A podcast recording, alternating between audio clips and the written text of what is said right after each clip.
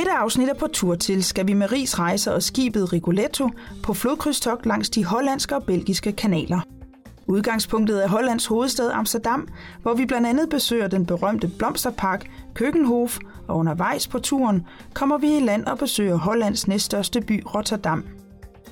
Vi skal også en tur forbi Belgien og Europas diamanthovedstad Antwerpen. Turen til Amsterdam er foregået med bus, og selvom selve rejsen herfra foregår med skib, følger bussen med rundt til destinationerne og fungerer som base for udflugterne i land. Med os er godt 50 rejseglade danske gæster, men hvorfor har de valgt at tage til lige netop Holland?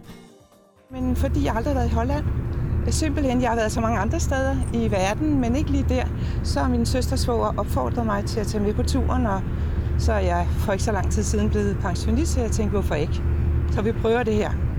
Jamen, jeg har jo en, en, en god veninde, som i sidste øjeblik spurgte, om jeg ville med. Jeg, jeg sagde ja, fordi jeg har en af vores meget gode venner, som er kommet hernede en del år, fordi hans datter er bosiddende i Haag. Så jeg har hørt meget positivt, specielt om Amsterdam. Hjemme hos os er det mig, der beslutter vores tur, og jeg har en mand, der er lidt ældre end mig, og havde, ved, at han godt kan lide at køre bus, og ved, at han godt kan lide at sidde på sådan et skib og lade sig føre frem og lade livet passere. Jeg har haft meget med Rotterdam at gøre, der er importeret krydderier, og øh, Antwerpen også, fordi der havde jeg en kollega. Øh, men jeg har aldrig været der personligt, så derfor var det netop lige sagen, at nu var der turen, hvor man kunne nyde øh, sådan en tur her. Ikke? Vi har rejst meget rundt i hele verden, øh, hvor vi selv bestemte alt, og nu vil vi ikke det mere, nu vil vi serviceres. Og vi synes, det er en rigtig rolig måde at rejse på. Undervejs har vi haft en overnatning i byen Lochem, og herfra har vi kigget nærmere på det flade land med de mange tulipaner, vindmøller og diger. Og lige netop digerne, der adskiller Holland fra havet, kommer vi ud at vandre på ved den lille fiskerlandsby Vollendam, hvis smukke placering har inspireret et utal af kunstmalere, heriblandt den franske impressionist Henri Moret. Herfra går rejsen til Amsterdam, der med sine ca. 850.000 indbyggere og omkring 18 millioner årlige besøgende turister er en livlig storby, som selvfølgelig byder på masser af shoppingmuligheder, caféer og festlige barer. Men midt i storbyens jag findes der også ro og fred i gården, der tilhører det tidligere nonnekloster Beginhof fra 1500-tallet. De gamle bygninger bruges stadig som beboelse, og beboerne værdsætter den rolige stemning, der har været siden klostret blev anlagt, og turister opfordres derfor til at være helt stille, når de besøger Beginhof. Amsterdam består af et utal af kanaler, store som små, og en afslappende måde at opleve byen er på kanalrundfart, der bringer dig forbi både gamle og moderne bygninger, og forbi mange af de vigtigste steder i byen, heriblandt Anne Franks hus. Det er en god appetitvækker til, hvad du kan opleve i Amsterdam. Jeg synes egentlig også, at Amsterdam lever op til min forventning. Jeg synes, det er en charmerende by. Og det, der er, er charmerende for mig, det er jo kanalerne, og det er de smukke gamle huse, og den måde, hele arkitekturen hernede, det synes jeg er, er meget øh, spændende at opleve. Vi har været her før, og vi synes, Amsterdam er en meget, meget dejlig by.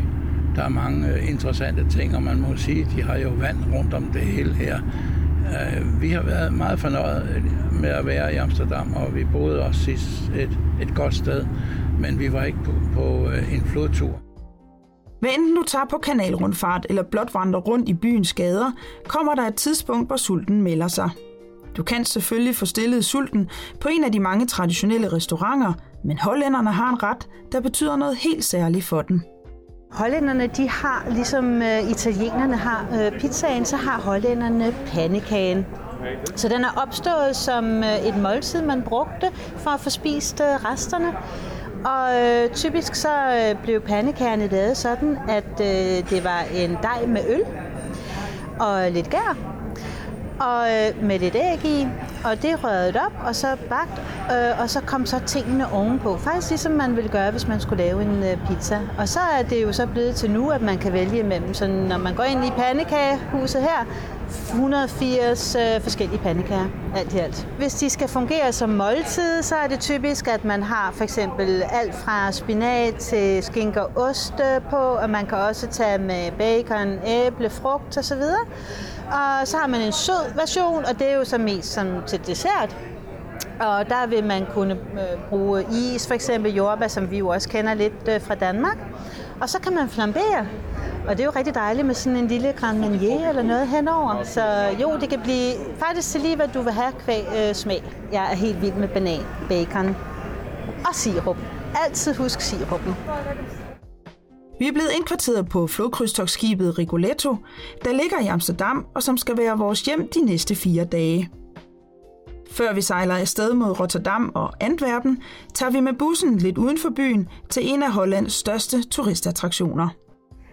Den oplevelse, der venter os i dag, det er et besøg til øh, en af Europas største blomsterparker, Keukenhof, som ligger i et område i Holland, hvor der produceres vældig mange blomsterløg.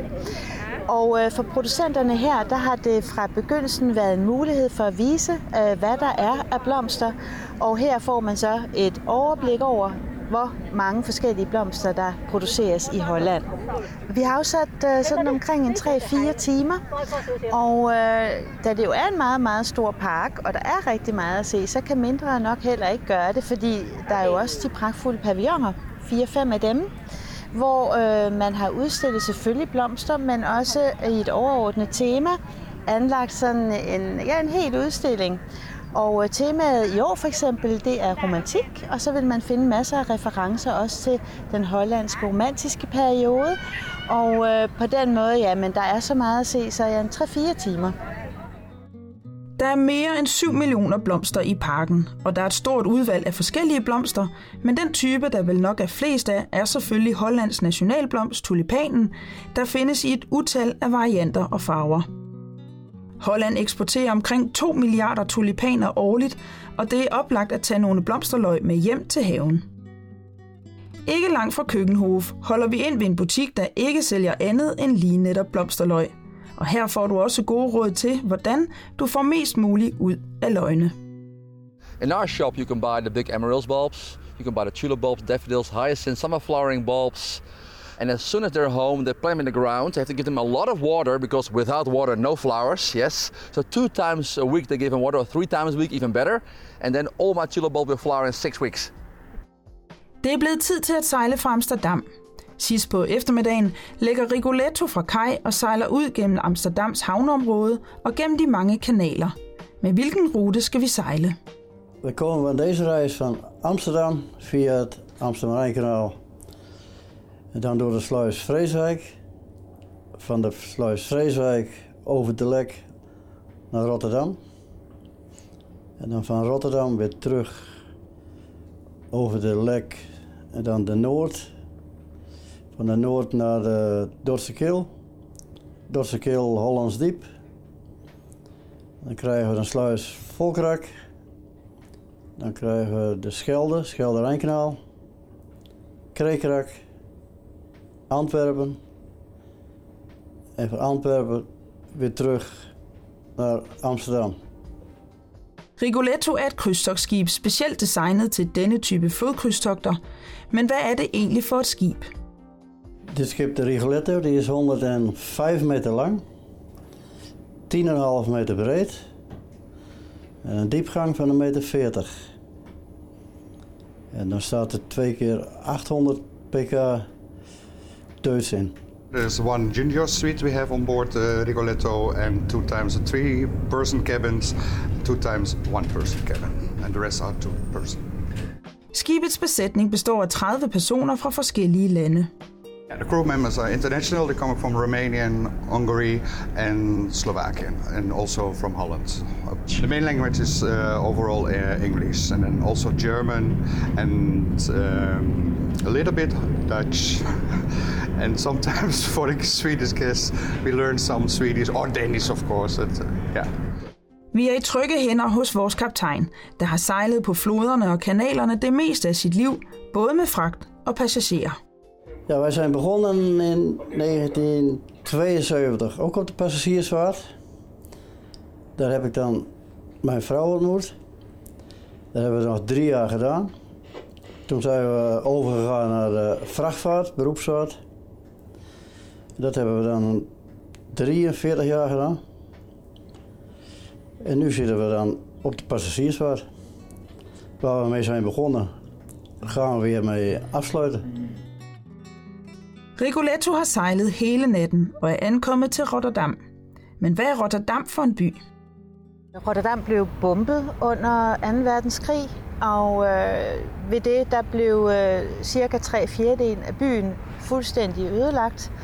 Man har så øh, gjort en enorm indsats og har byen rejst sig som en form for ja, fuld fønix af asken og er blevet til denne her spændende, dynamiske storby med en halv million indbyggere, og øh, hvor de så jo også kan bryste sig af, at de har Europas øh, største havn. Havnområdet i Rotterdam er vanvittigt fascinerende, og årligt lægger omkring 135.000 fragtskibe til med mere end 8 millioner forskellige container ombord. Imponerende.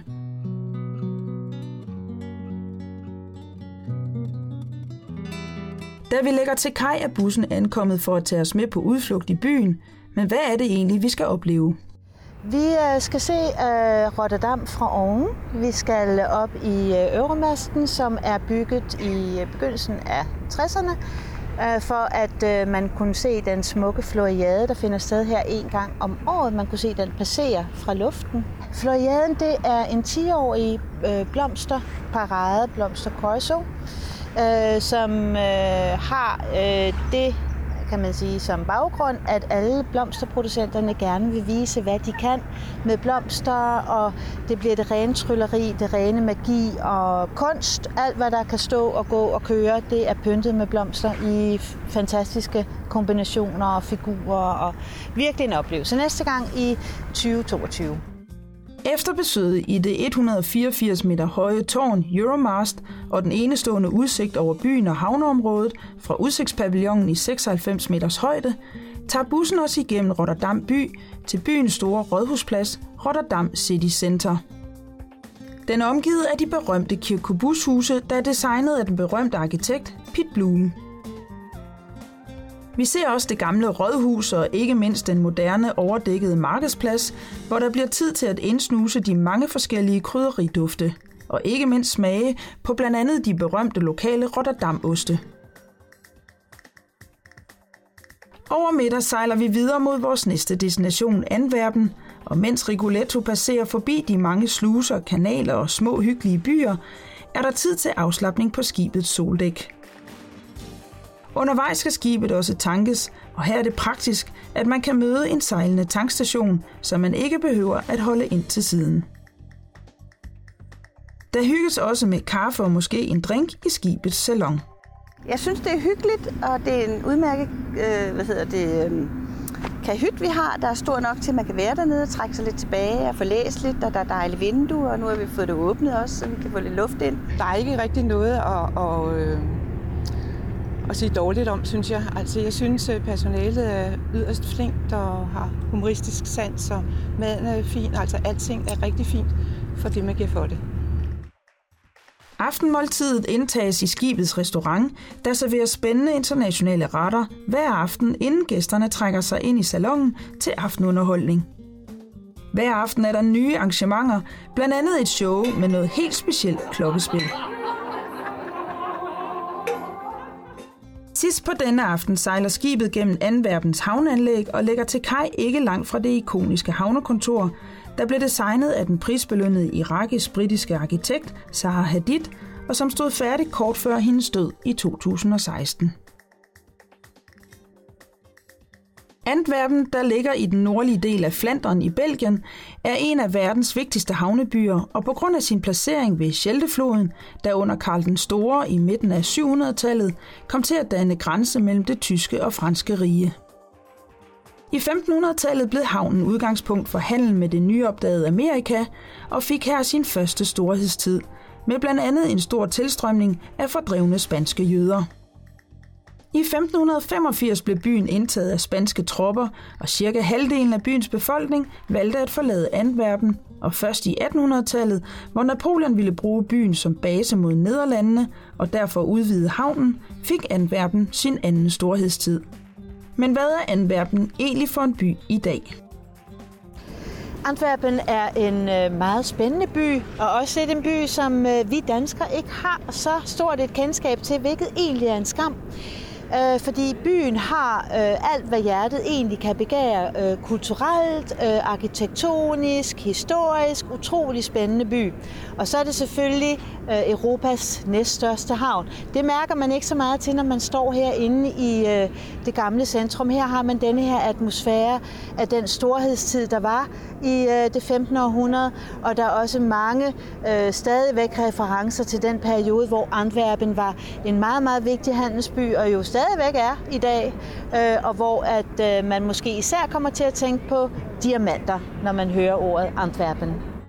Cirka halvdelen af alle verdens slebende diamanter og omkring 85 procent af alle rå diamanter passerer gennem Antwerpen, inden de bliver solgt på andre markeder.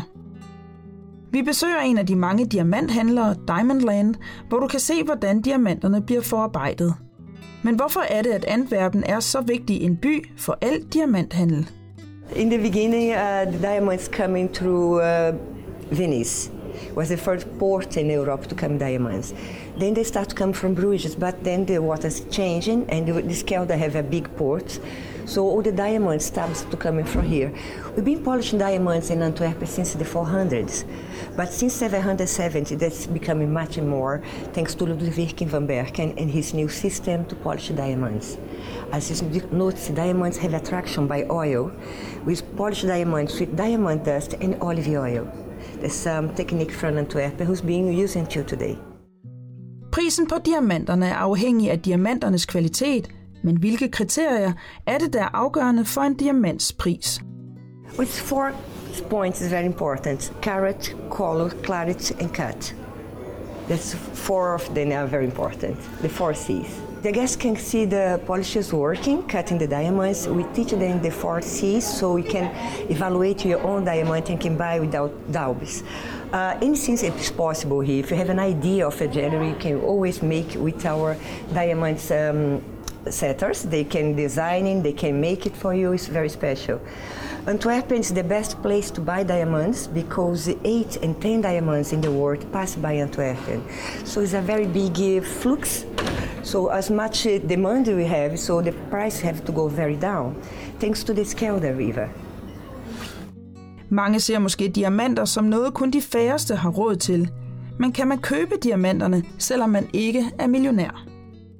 Well, this can go for every pocket. We have some 0.01% a carat uh, with H colored and uh, SI, a point um, 15 euros only. Just a little souvenir that exactly so small but come with the 57 facets of a brilliant. Diamanter er dog ikke det eneste Antwerpen og belgierne er kendt for. Altså, en ting er jo helt sikkert. Man skal ind og have en belgisk øl.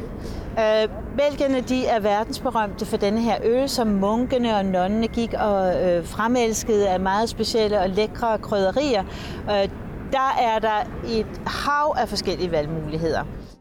Belgien har en stolt tradition for at lave mange spændende varianter af øl. Men hvad er egentlig øllets historie i Belgien? Ja, het bier is al heel lang in België.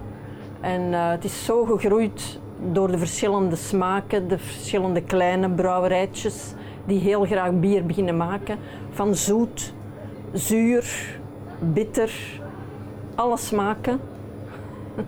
Voor alle, publiek ook. Ook veel vrouwen beginnen tegenwoordig bier te drinken en ervan te houden en te leren welke smaken dat er uh, bestaan. En uh, het is ook gezond eigenlijk. Hè? Men hvad er det, der gør, at belgisk øl skiller sig fra øl fra resten af? Wij zoeken vooral de verschillende smaken, de verschillende granen die gemengd worden, uh, die gebrand worden, de hop die overal, ook Amerikaanse, de, hè, en dan de geuzes die dat echt een speciale gisting geeft. Ook met whisky wordt er gewerkt, whisky infused of uh, eikenvaten of eikenpaletjes die ze erin in verwerken. Wij zoeken echt er specialere dingen, speciale fruitbieren. het speciale meer, van de granen gemengd. En, en het is echt een hele chemie, het bier ook.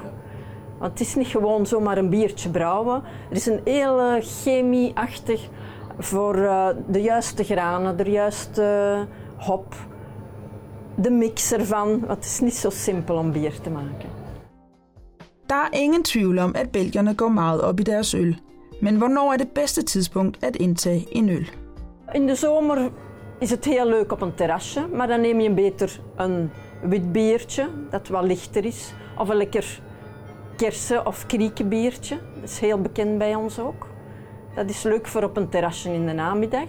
Maar ook meer en meer doen restaurants nu bij de avond in plaats van wijn de verschillende bieren. Bij het voorgerecht een speciale bier, bij het hoofdgerecht een bier en bij het dessert een bier. Wordt meer en meer nu ook gedaan. En dan ook natuurlijk de avond, het gezellige, een lekker pintje bij ons, een lekker zwaarder biertje voor tv. Daar hou ik wel van. Hvor øl til tider kan være lidt bitter i smagen, har belgierne også fundet den helt perfekte modvægt, nemlig de meget berømte og søde chokolader. I think uh, the most important thing about the famous thing of Belgium chocolate is the quality, because the Belgium use more cacao than other countries, let's say. So the more cacao, the more tasty. Also, most of the shops or most of the ateliers use uh, the real cacao butter. Yeah, so the cacao butter is different than plant oil or palm oil or whatever uh, animal butter. So cacao butter, they use cacao butter, which is very creamy. Mm. So like they say, white chocolate is no chocolate. It's true, there is no cacao inside, but there is cacao butter inside. So good white chocolate is very creamy, because they use the cacao butter. So it is the quality. It's, it's special. Um, yeah, in the first place, the quality that makes Belgium chocolate so famous. Specialty in Antwerp is the Antwerp hands. You can see all Antwerp hands over there. The first were the cookie hands, the biscuits, so the hands with the almonds on the wrist. Uh, and then later they made the chocolate hands. So the chocolate hands are very famous. I try to eat daily. I try to eat no chocolate, but mm, I don't succeed. Maybe 20 days a year I succeed in not eating chocolate, but uh, I'm eating daily. I try to eat a little bit less than before, because at my age, huh, you have to be careful. this cacao truffle is extremely good for me. It's a dark truffle with uh, crunchy on the outside, cacao powder, and then inside it is the cacao butter with a lot of cacao. So you have a dark, creamy chocolate. Det er blevet tid for Rigoletto at vende retur til Amsterdam, men hvordan har gæsterne egentlig oplevet rejsen? Jeg synes, den har været god. Øh, øh, jeg synes, den har været øh, perfekt på den måde. Alt er løbet, som det skulle. Selvfølgelig er der nogle ting indimellem, som kan gå galt, men jeg synes, at det fungerer godt, og vores rejseleder tager de situationer, som kan være lidt anderledes, tager hun rigtig godt. Det virker som en appetitvækker på mig, så jeg kunne tænke mig at tage ned igen. Der har jo aldrig været nogen problemer nogen steder, og alt er gået som det skal, og, og øh, Rigsrejser har vi jo brugt i mange år, øh, fordi netop at vi fik det engang anbefalet nogle andre, så prøver vi det jo så selv, ikke? Den sidste aften ombord på Rigoletto takker kaptajnen og besætningen af for et herligt flodkrydstogt med champagne i salongen og ikke mindst et overdådigt aftenmåltid i restauranten. Fra Amsterdam går turen nu med bussen tilbage mod Danmark. Det har været en spændende rejse med mange gode oplevelser både i Holland og Belgien, og tempoet har været særdeles afslappende. Og det er en rigtig god måde at rejse på, hvis du godt kan lide at få sjælen med. Hvis du vil vide meget mere om dette flodkrydstogt og andre flodkrydstogter i Europa, eller mere om Holland og Belgien i det hele taget, kan du læse meget mere ind på den hjemmesideadresse, der står på skærmen lige nu. Herfra er der blot tilbage at sige, ha' det rigtig godt, til vi ses igen.